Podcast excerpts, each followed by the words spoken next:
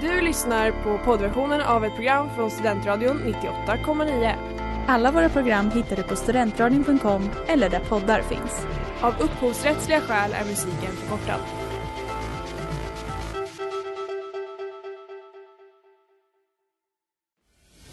Det börjar bli dags att öppna upp Sverige. Any further acts of aggression would be met with massive consequences. Om jag åker tunnelbana i Tokyo, jag då japan? Så när jag hör Jimmie Åkesson här prata om klimatfrågan då kommer jag att tänka på ett sånt här flaskskepp.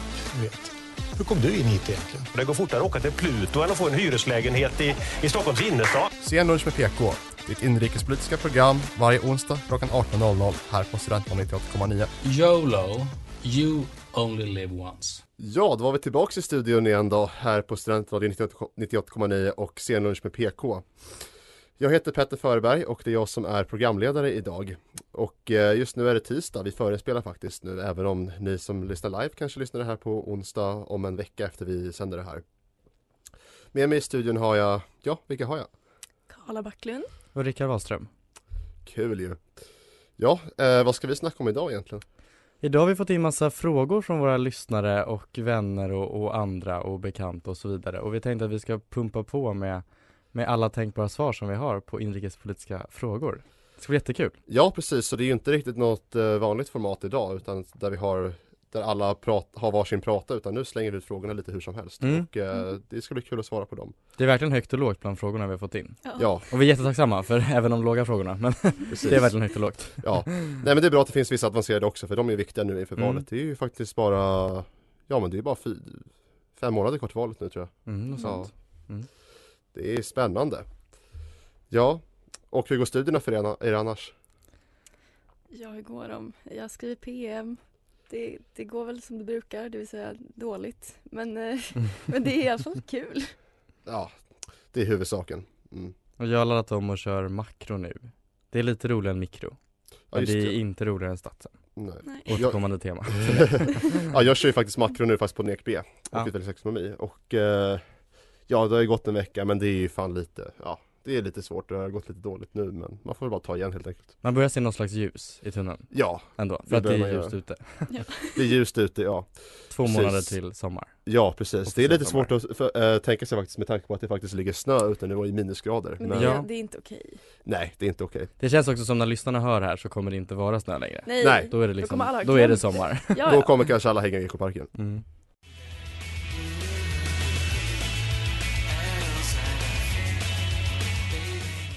Och det där var Super Blue med Humdrum här på Studenton 98,9 Och ni lyssnar på Scenlunch med PK Och eh, ja, om vi börjar med första frågan då som jag ser här Mm. eh, Är det någon som har något tips till förstagångsväljare på hur man kan sätta sig in i politiken inför valet? Oj vad spännande. Ja det finns ju säkert jättemånga tips. Eh, Jag tänker att nu när det bara är några månader kvar så är det verkligen hög tid att, att sätta sig in i politiken för, för egentligen alla får man väl säga. Och det, det kan ju vara lite svårt, det är många säkert som, som vi pluggar med som, som röstar för första gången. Eh, och jag tänker att vi som någonstans ändå pluggar politik eh, i olika former har, har lite större ansvar att verkligen också ta politiska samtal med med våra vänner och bekanta och familj och, och hela tiden diskutera. För det tänker jag, det, det lär man sig ganska mycket på. Mm. Ja, jag kan hålla med där absolut att eh, diskutera det liksom är, att, är ju faktiskt ett, ett sätt att sätta sig in, sig in i det på Mm. Och sen är det ju kanske också såklart att kolla på partiledardebatten eller på Mm. Agenda eller något där där politiker medverkar. Och sen kan man ju också ta de här, eh, vad heter det, valkompassen om man vill. Mm. Mm. Eh, Med en nypa salt. Ja, Ja, precis. lite mindful. jag, tyck, jag tycker de är lite missvisande på något Mm. sätt för, för de partierna jag brukar få det är kanske minst ett av dem som jag känner att nej det här ska jag inte rösta på. Mm. Men jag vet att vi läste en studie nyligen. Jag, läser ju, jag har nyligen läst svensk politik. Eh, Ja. Där de kom fram till att de här valkompasserna liksom gynnar partierna som är långt utåt kanterna. Mm. Eh, så man får väl vara lite, lite De En kompass, jag, jag tycker att de är lite, de här frågorna liksom, de är lite så här det ena eller det andra också kan jag tycka. ja, det är väl därför de gynnar. Exakt. Men sen ska man också komma ihåg att det är tre val som vi går och röstar till. Att Jag det är kommun, det. region och riksdag. Så att det, och där behöver man ju inte, man behöver inte rösta lika. Och eh, partierna driver ju olika frågor och på lokal och regional nivå så kan det ju finnas andra typer av allianser än vad de vi känner till på riksnivå. Så det kan vara värt att, att kolla på hur det ser ut i, i sin Ja. kommun där man är folkbokförd om man inte är folkbokförd här i Uppsala. Precis. Eh, Nästa fråga. Vad gör för detta statsminister Löfven nu? Ja, Han sa ju att han ville spendera mer tid med Ulla, hans fru, så det får vi väl gissa att han, han gör lite grann. När han avgick så sa han också att han gärna eh, skulle jobba med någonting med, med barn. Eh, Typ vad? Nej men på lite samhällsnivå, typ Ja. barn och fred och den typen av. Men nyligen så blev han utsedd till ny eh, chef för eh, SIPRI tror jag man säger. Stockholm International Peace Research Institute. Och där tar han över ordförandeposten efter Jan Eliasson, tidigare vice generalsekreterare i FN. Så att eh, han, eh, han finns kvar på den politiska arenan, men mer internationellt nu då. Kul. Ja, Mm. Han tillträder nu om några veckor vill jag, vill jag minnas, så vi Mm. får se vad Vi får Ja. väl önska honom lycka till. Ja det kan vi absolut göra. jobbet. Ja. apropå Löfven, vem är vice statsminister i Sverige? Nästa fråga. Ja, det är lite intressant där för att eh, vice statsminister är inte alltid lika med ställföreträdande statsminister och det fick Åsa Romson erfara när Löfven åkte in akut med ambulans sommaren 2015 vill jag minnas, eller om det var 2016. Eh, då trodde man att det var hon som var vice statsminister men så var inte fallet utan det är den som har tjänstgjort längst i eh, regeringen som är. Då var det Sven-Erik Bucht, eh, landsbygdsminister, nu är det Morgan Johansson som är ställföreträdande statsminister. Just det.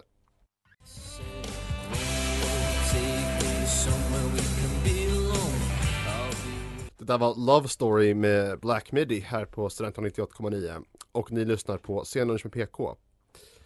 Eh, och om vi tar nästa fråga som är till dig Karla. Eh, vad är den vanligaste utbildningen bland riksdagsledamöter? Men det kan jag svara på. Ehm, det är bland de som har eftergymnasial utbildning och det är ju inte alla förstås men det är eh, ganska mycket fler än vad det är i den vanliga befolkningen. Där är det kanske drygt en femtedel som har över tre år eftergymnasial utbildning och hos riksdagsledamöterna så är det drygt hälften. Av dem så är det då vanligast att ha studerat samhällsvetenskap, juridik, handel eller administration. Det är drygt hälften som har en eftergymnasial utbildning som har studerat det. Och sen det näst största området är då pedagogik och lärarutbildning. Och sen är det några enstaka procent här och där som har studerat lite något naturvetenskapligt, teknik eller konst, medicin. Ehm, Men det är vi samhällsnördar som är överrepresenterade i riksdagen. Och det är väl kanske egentligen inte så konstigt med tanke på vilket yrke de har valt. Mm. Ehm, Men vilket parti tror ni har högst andel högutbildade ledamöter? Jag skulle nog säga Moderaterna. Ja, spontant tänkte jag det också, men samtidigt så, ja, jo i och för sig. Mm. Moderaterna eller möjligtvis, ja, möjligtvis sossarna kanske. Ja, det, Ja. det är spännande gissningar för att eh, ingen av er har faktiskt rätt utan det som toppar listan är Miljöpartiet. Jaså? Ja, det har jag hela- faktiskt hört när du säger det. Ja, Mm. 75 procent högutbildade ledamöter har de. Då räknar man högutbildad som över tre år efter gymnasial utbildning. Över tre år till och med. Eller tre år eller Ja, en kandidat eller mer. Ja. Mm. Eh, och sen så kommer Vänsterpartiet med eh, stadiga 64 procent och resten ligger ja, men runt 45-55 Mm. eh, utom då Sverigedemokraterna där bara en tredjedel av ledamöterna är högutbildade. Det kan också vara intressant att notera att Sverigedemokraterna är det parti som har flest ledamöter med teknisk utbildning som Mm. då är ganska ovanligt annars i riksdagen. Mm. Ehm, så i Sveriges riksdag är det alltså vanligt att vara högutbildad och vanligast att då ha studerat med samhällsvetenskaplig, pedagogisk eller humanistisk inriktning. Men då undrar jag vad ni egentligen tycker om det här och om ni ser några möjliga problem. Till exempel med de vanligaste utbildningarna som kanske inte representerar vad folk har studerat i allmänhet. Eller andelen utbildade hos olika partier. Eller det här att ledamöterna är så mycket mer högutbildade än den befolkning som de ska representera. Alltså, att- ursäkta, att vara riksdagsledamot är ju ett väldigt stort och, och eh, tungt uppdrag som påverkar väldigt många. Så jag tycker att det är rimligt att man att det är individer som eh, har en bred samhällsförankring. Så det är ju väldigt roligt att höra, tycker jag, att de, den största utbildningsbakgrunden är samhällsvetenskapligt. Det tycker jag känns, Ja. känns tryggt. Eh, jag tycker att det låter bra. Sen är det bra att det finns en bredd också. Men, eh, men jag tänker typ den utbildning som vi läser, alltså polkand eller, eller motsvarande, att, att ha liksom en, en utbildning inom det som man också arbetar med som förtroendevald eh, också är en styrka i det. Eh, Mm. och det tycker jag inte alltid lyfts fram i debatten utan det blir snarare som att man är lite broiler kanske. Eh, och det tycker jag är lite synd att, att det ses nästan som en styrka att komma från något helt annat, kanske från nå- något naturvetenskapligt eller från Mm. en man av folket som har jobbat med något praktiskt och sen kommer in i förtroendeval och det finns en styrka i det också men jag tycker Ja. att det är en fördel att man har Men det bygger utbildat sig till lite det man jobbar på med. de här fördomarna om någon slags världsfrånvänd akademiker som inte har någon koll på, på den praktiska verkligheten. Men jag håller med. Det, det är klart att det är bra att ha en utbildning. Ja, precis. Och just det samhällsvetenskapligt tycker jag är viktigt också. För det är ju som sagt som Rickard sa, det går ju ut på liksom att man, att styr man ett land så är det ju det man måste vara specialiserad på så att säga. Mm. Tycker jag. Så det är alltid bra att ha en utbildning, så absolut.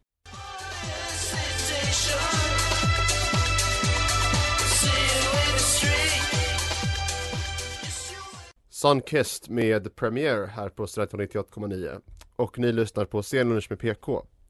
Och vi ska fortsätta att eh, ta fram lite frågor som vi kan diskutera. Eh, nästa person har alltså frågat eh, för det första Vilken partiledare skulle ni helst vilja ta bakispizza på Palles med? är det någon som vill börja med den? Oj vad svårt. Jag, spontant tänker jag kanske någon eh, som är Uppsala baserad och det är det väl, eller upp, från Uppsala i alla fall, Ebba Busch och Magdalena Andersson är väl de som är Ja, det är de som är härifrån. Jag hade nog valt Ebba i så fall faktiskt. Ja, precis. Ja, ja. jag tänkte i och för sig, så roligast på fest av de två eh, känns ju kanske givet att det är Ebba Busch, Ja. eh, tänker jag i alla fall. Ja, Men då kanske det också, är, hon kanske inte är så kul att ta bakispizza med. Då kanske det är roligt att ta Magdalena Andersson. Det är sant. Hon Ja. kanske är pigg och... Hon är pigg och alert. Hon har Ja. varit ute och simmat och åkt skridskor på morgonen och Ja. Fast vill man ha det? Om, för jag antar att man själv är Ja bakis. exakt, ja nej det vill man ju verkligen inte. nej. Sen finns det ju Ulf Kristersson som har varit aktiv på Snärkes också så, Ja, han, det. så honom kanske man skulle vilja ta Han med vet också. hur man festar och kanske Ja. också hur man tar en bakispizza. Precis, ja. Så det kanske är, ja, någon av de här tre i alla fall Mm. ska man väl ta en bakispizza på Palles med. Nästa fråga är Vem vinner valet? Oj, det var enkelt, kort och gott. Eh, ingen tror jag, alltså det kommer verkligen kännas som att ingen Jag tror Ingen också vann. det. Eller så här, ja, det finns ju, var det förra valet när det liksom var som att alla vann? Alla vann Ja, regeringskrisen igen, det liksom tog hundra dagar att bilda regering. och alla upplevde Och, sig eh, som vinnare på valnatten. Alltså ja, det känns som att det kan absolut bli så nästa gång också. Fast jag tror inte att regeringsbildningen kommer ta lika lång tid. Det tror Nej. inte jag heller. För den, det, det pallar man inte och det är lite mer tydligt var, var man står och sådär. Jag tror alla eh, kommer anstränga sig för de vet att folk inte vill ha det så Ja, också. Ja. exakt. Men kanske att sossarna kan vinna. Eller liksom, det, Det går ju väldigt bra nu med, med Magdalena. Andersson och, och i kristid att Ja. vara den här statskvinnan. Så att det, om de lyckas få upp sitt valresultat, alltså med mer än några procent så ja, det, men allt hänger ju på vad som händer med de små partierna. Exakt, Ja. det är också, det är också liksom vem som vill tala med vem och sånt där liksom. Det kan ju vara så att, eh, jag vet inte, Centern vi inte vill längre vill prata med sossarna efter valet eller att sossarna gör en sväng och vill, vill eh, samarbeta med SD eller något sånt där liksom. Så man, vi får ju se. Eller att. Liberalerna och Miljöpartiet ryker. Eh, och Ja. det, det känner jag nästan är mest sannolikt. Mm. Ja, det känns ju inte Eller särskilt bort. Liberalerna. Mm. Mm. Precis. Ja, eh, det här kan vi diskutera hur länge som helst. Eh, men jag ska ta fram en till fråga här. Mm. Vilken underdog i svensk politik ska man ha koll på just nu? Alltså när jag, om jag får svara på den här Mm. frågan, eh, om man ska eh, tolka underdog som någon som kanske inte är i riksdagen. Eh, eller alltså någon som kanske förväntas komma in eller något sånt där liksom, skulle jag säga att eh, eller egentligen så finns det ju liksom inget parti utanför riksdagen nu som ser ut att vara närheten av att komma in. Nej. Alltså möjligtvis att AFS Medborgarsamling skulle vara de som är närmast men de är fortfarande Ja, långt det är ifrån. osannolikt. Ja, Mm. de fort, alltså övriga partier samlar ju inte ens 2, 1% här, så, Mm. det är ju, så, det är, så det är svårt. Annars så vilka man ska ha koll på så, eh, annars så är det väl typ, ja som, ni, som vi sa Miljöpartiet och Liberalerna för de är väl lite underdogs just nu. Ja, jag tänker Nyamko Sabuni har ju Ja. en nyckelroll Mm. för eh, oppositionen, vad som ska hända. Ja. Ehm, så att det är väl lite, men det, det är ju lite motigt för henne. Så att det Mm. känns ju inte som att det är Hon har väl inte hanterat det jättebra. Men får jag slänga in två andra namn kort bara så tänker jag om det blir i höst oavsett vilken regering det blir så tänker jag att de tidigare förbundsordförandena för MUF respektive SSU, Filip Botström och Ja, eh. Benjamin Dosa skulle kunna vara intressanta namn i eventuell ny regering. Inte samma regering förmodligen men olika. Ja, Kanske lite underdogs vibe, jag vet inte. Nej. Väldigt skickliga båda två i alla fall tycker jag. yes.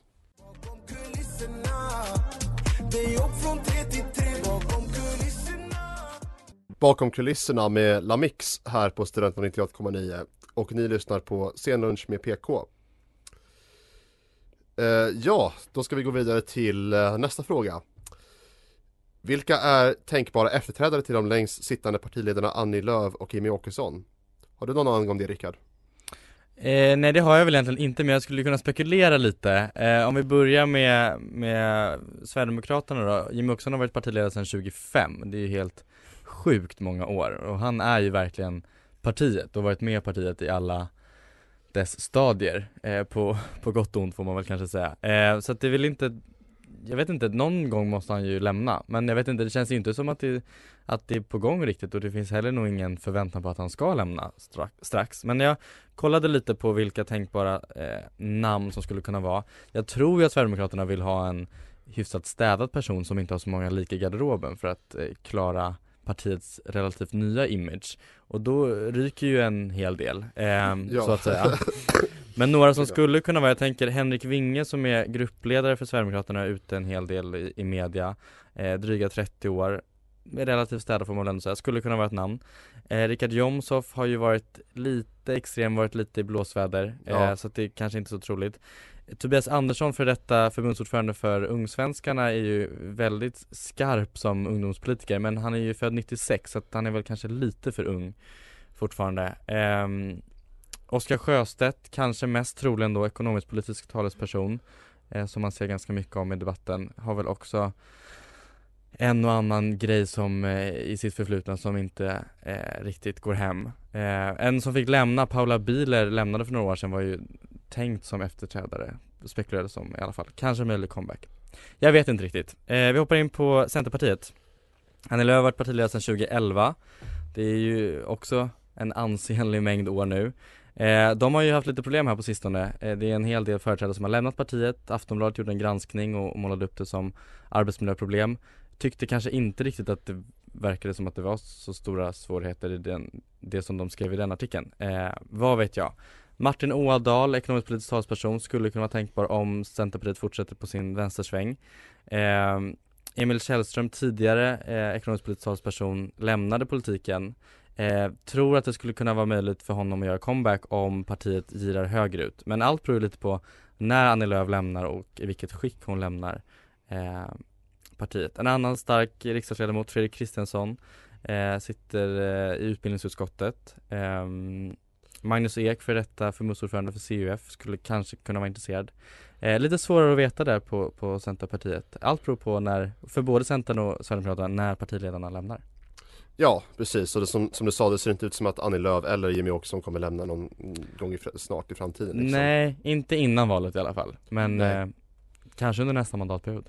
Ja, vi får väl se. Och eh, vem som efterträder då, det blir ju intressant för det fanns ju många kandidater där som, som, du, mm. som du pratade Och säkert fler, det är inte en uttömmande lista så men Nej, precis. Så det, ja men det, det kan ju liksom gå hur som helst egentligen och eh, Ja det är intressant det där du sa liksom om, om eh, Sverigedemokraterna också att det ska vara någon som är lite mer, som inte har lik, så många lik i garderoben mm. liksom då, då blir det ju lite färre att välja på mm. om man säger så, så det, det är intressant också, jag tänkte på de andra partierna, Ulf Kristersson har ju redan hunnit vara eh, partiledare i fem år mm. och det känns ju som att det gått väldigt fort. Det känns ja. som att Verkligen. Anna Kinberg Batra var partiledare nyss och, ja, och till och med Reinfeldt. men också typ att hon var partiledare i en sekund Ja, ändå mm. två år, ja Exakt, så och det beror på hur det går i valet för Moderaterna kommer ju påverka om, om han får vara kvar också. Mm. Går det jättedåligt så tror jag inte att de har förtroende i fyra år till. Nej, intressant. Vi får äh, bara se hur det blir nu i framtiden. Mm.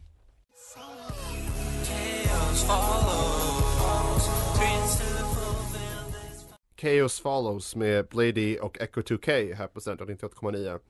Och ni lyssnar på Scenlunch med PK. Och eh, vi ska ta fram en annan fråga här eh, som jag ska svara på.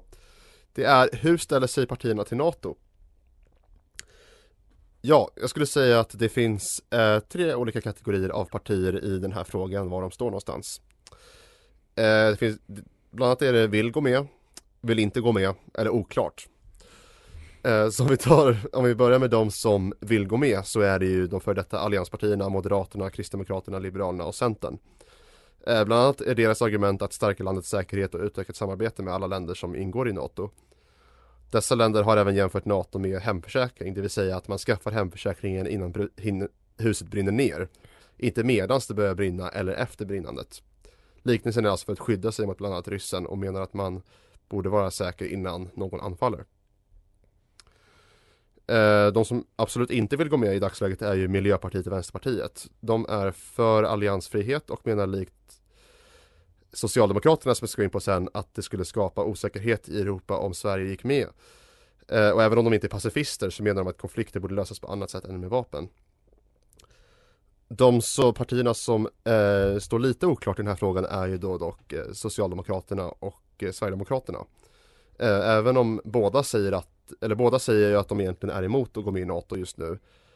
Um, Socialdemokraterna som, som jag nämnde tidigare anser att det skulle skapa mer politisk osäkerhet och instabilitet i Europa. Och Sverigedemokraterna argumenterar för att de vill vara fria från omvärlden.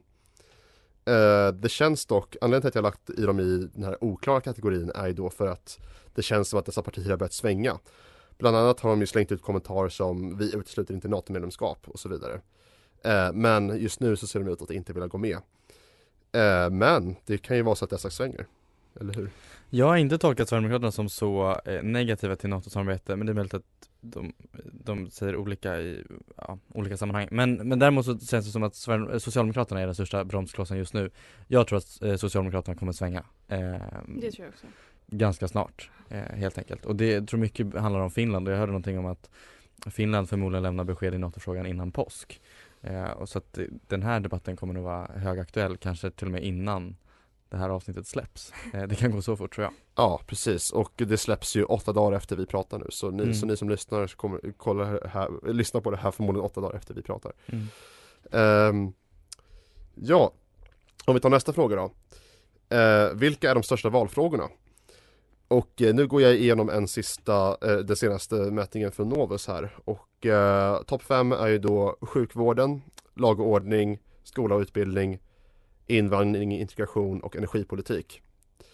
Eh, vi ser ju dock att sjukvården har backat eh, 5 procentenheter av bland av andelen väljare som anser att det är den viktigaste frågan. Och det är kanske då för att man anser att corona inte längre är en samhällsfarlig sjukdom. De som inte är med i topp 5 också är ju bland annat försvaret som har gått upp en hel del. Eh, och det är inte så förvånande med tanke på Ukraina. Miljö och klimat ligger ju faktiskt på sjätte plats. Mm. Och eh, det är ju lite förvånande med tanke på hur många det är som man tycker egentligen är, som ty- verkar tycka att den här är en väldigt central fråga. Jag tror att det är mest unga. Så jag tror att de, de drar nog, eh, alltså de äldre drar nog ner den lite. Mm. Det kan väl vara så att omvärldsläget gör att andra frågor är, det är klart att miljön är viktig men med, med brinnande krig i vårt närområde med en pandemi som vi Ja. precis förhoppningsvis är på väg ut ur så är det andra frågor som också pockar på uppmärksamhet. Jag tänker också att jobben nämnde du nog inte på listan va?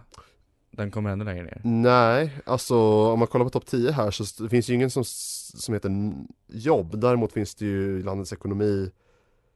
Ja, för ekonomi Ja, är en del men utbildning, ja. arbetslösheten är ju väldigt hög nu. Det är ju en halv miljon svenskar som går arbetslösa. Det är ju en, en jättestor fråga det också. Så att det finns ju många Ja. frågor som inte är med. Hedersvåld är en fråga som jag tycker borde hamna högre men som Ja, förmodligen inte kommer göra det. Och sen har vi Men- alla de här andra områdena, kulturpolitik och vad det kan vara som aldrig någonsin når topp ja 50 ens. precis. Nej men jag tycker det är ju konstigt ändå att jag, som du säger Rickard, att jobb inte är med här. För att eh, i den här undersökningen i alla fall. För det är ju som, som du säger, liksom, det är väldigt många som är arbetslösa och det är ju även Nu kommer jag inte ihåg hur många det är men det är väl ungefär en miljon människor i, i Sverige som är i arbetsför ålder som inte försörjer sig själva. Eller som inte lyckas göra det.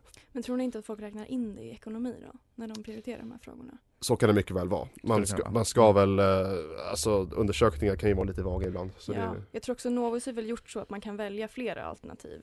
Ja, Eh, kan vara så. ja, så, så kan det absolut vara.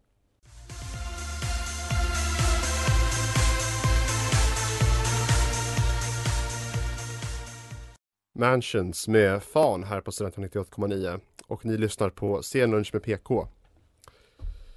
Nästa fråga är Vad tjänar riksdagsledamöter? Har du svarat på det Karla? Yes, jag fortsätter mitt riksdagsledamot-tema här. Eh, jag tycker att det här är en ganska bra fråga faktiskt, eh, som inte är så himla enkel att svara på. Um, riksdagsledamöterna är ju inte anställda av riksdagen, utan de har ett uppdrag från sina väljare. Eh, så därför så kallas det för arvode och inte för lön. Men det här arvodet ligger just nu på 71 500 i månaden. Och det brukar höjas med något års mellanrum. Jag tror att det höjdes senast nu i januari Mm. med typ ett och ett halvt. Ehm, och de som bestämmer om det här arvodet är riksdagens arvodesnämnd som då är en myndighet under riksdagen och består faktiskt av bara tre personer, en ordförande och två ledamöter som utses av riksdagen men de är då inte själva riksdagsledamöter. Mm. Eh, det här grundarvodet är ju då nästan dubbelt så mycket som Sveriges medellön som är drygt 36 000. Men många av riksdagens ledamöter har också andra uppdrag i riksdagen vilket gör att de får lite extra klirr i kassan. Eh, till exempel om man är ordförande i ett utskott så får man ett tillägg på 20% av det här grundarvodet. Mhm. Och sen finns det också inget som hindrar en ledamot från att ha andra inkomster utanför riksdagen. Så att den verkliga månadslönen för en riksdagsledamot kan vara ganska mycket högre än själva arvodet. Mm. Men kort sagt minst 71 500 i månaden.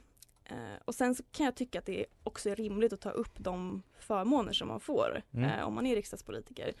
Ja, men till exempel de här övernattningsledigheterna på gamla, eller vid Gamla stan. Eh, eller typ att man kan få årskort på flyg eller det här SJ guldkortet som liksom i sig kostar ett månads arvode. Ehm, och sen så stänger ju också riksdagen ja, men, eh, i slutet av juni och öppnar inte igen förrän i september. Så man har ju möjlighet att ta ett ganska långt sommarlov eh, om man inte har något annat jobb. Eh, Men samtidigt, om jag får flika in det, samtidigt så Ja. är ju riksdagsledamöterna alltid i tjänst, även om riksdagen Ja, är stängd. Och de absolut. kallades ju in i somras också. Så att, eh, Det är det som är, alltså folk kritiserar de här förmånerna Mm. och då så är ofta svaret att ja men de är alltid i tjänst Mm. så därför är det rimligt. Och jag säger inte att det inte är Nej. rimligt, jag tänker bara att så här, det är rimligt att ta upp för det är inte saker man förväntar sig av ett vanligt jobb. Liksom. Ja, Ja, eh, om vi tar nästa fråga då. Vilken partiledare har bäst fashion sense? det är kanske den viktigaste frågan av alla. ja förmodligen, högt och lågt. Vad tycker du Karla? Uh, alltså jag tycker att de vi har nu är, är faktiskt väldigt tråkiga. Men Okej. jag skulle vilja lyfta en tidigare partiledare, Aha. nämligen Jan Björklund. Ja. Alla så Jan Björklund, alltså den här skjortan. Ja. Den här som han sålde för typ så här 40 000. Ja, den här blåa ma- Ja. manchester Precis. Ja. Ja, den var ju rolig. Ja, och så hade han, men han, han bär dem ändå med stil. Han liksom kavlar upp den, han liksom stoppar in den lite i byxorna. Så här Men är det fashion sense att ha samma skjorta dag ut och dag Det är ju in? en rimlig fråga. Mm. Men jag gjorde faktiskt lite research till den här frågan. Mm. Eh, det var dock en gammal artikel, så det är det där med Jan Björklund. Men SV, alltså Svenska Dagbladets eh, stilexpert Mm. eh, uttalade sig om Jan Björklunds stil som ehm, folklig och nästan lite kunglig samtidigt. Oj, Det tyckte jag var spännande. Ja, Ja. men jag kan nästan hålla med lite där. Ja. Alltså det var väldigt casual men samtidigt ganska kungligt samtidigt måste jag ändå säga som du. Ja, jag vet inte om jag håller med. Om jag får slänga in ett namn som kanske inte är jätteotippat i sammanhanget eh, måste jag ändå säga att nuvarande eh, partiledare av dem, eh, Ulf Kristerssons Ja, stil är ju oklanderlig. Det- Alltså när han har den här halsduken. När han, liksom, han kommer ut ur sin taxi typ så har han den här halsduken och så Ja just det. ja. ett Mm. välsittande kostym liksom. Men jag menar mer också det här att han vågar leka lite med färger och lite Ja. udda kavaj och han får det att sitta snyggt. Till skillnad från vissa andra partiledare som kör mörkblå kostym. Mm. Punkt. Ja. Så.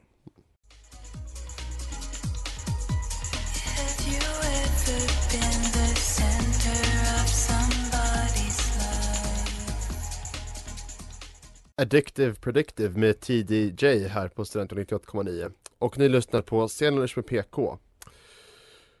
Och innan vi avslutar så tänkte jag att, man, att vi slänger ut en fråga till.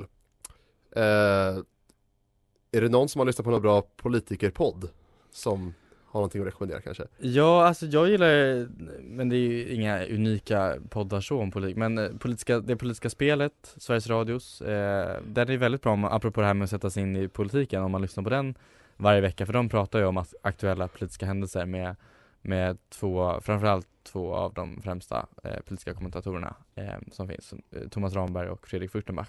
Eh, otroligt bra podd tycker jag. Eh, ganska lättsam också, så det, det är tips. Eh, ibland lyssnar jag också på Politiken, Svenska Dagbladets eh, podd. Hur är Mm. den? Den har inte jag lyssnat på. Mm, den är bra, jag tycker att de tar sig själva lite på för stort allvar ibland. Eh, Svenska Dagbladet i allmänhet kanske. ja, kanske.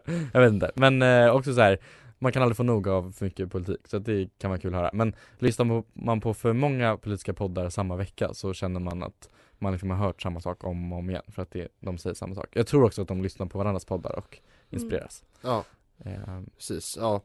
Och jag har inte riktigt fastnat för en podd sådär riktigt och det är bra att jag får lite tips nu för jag vill gärna göra det. Men, Mm. men igår så lyssnade jag faktiskt på ehm, en doku- jag tror det hette Spotify dokumentär, det handlade om eh, Zelensky, Mm. Ukrainas president som vi alla känner till.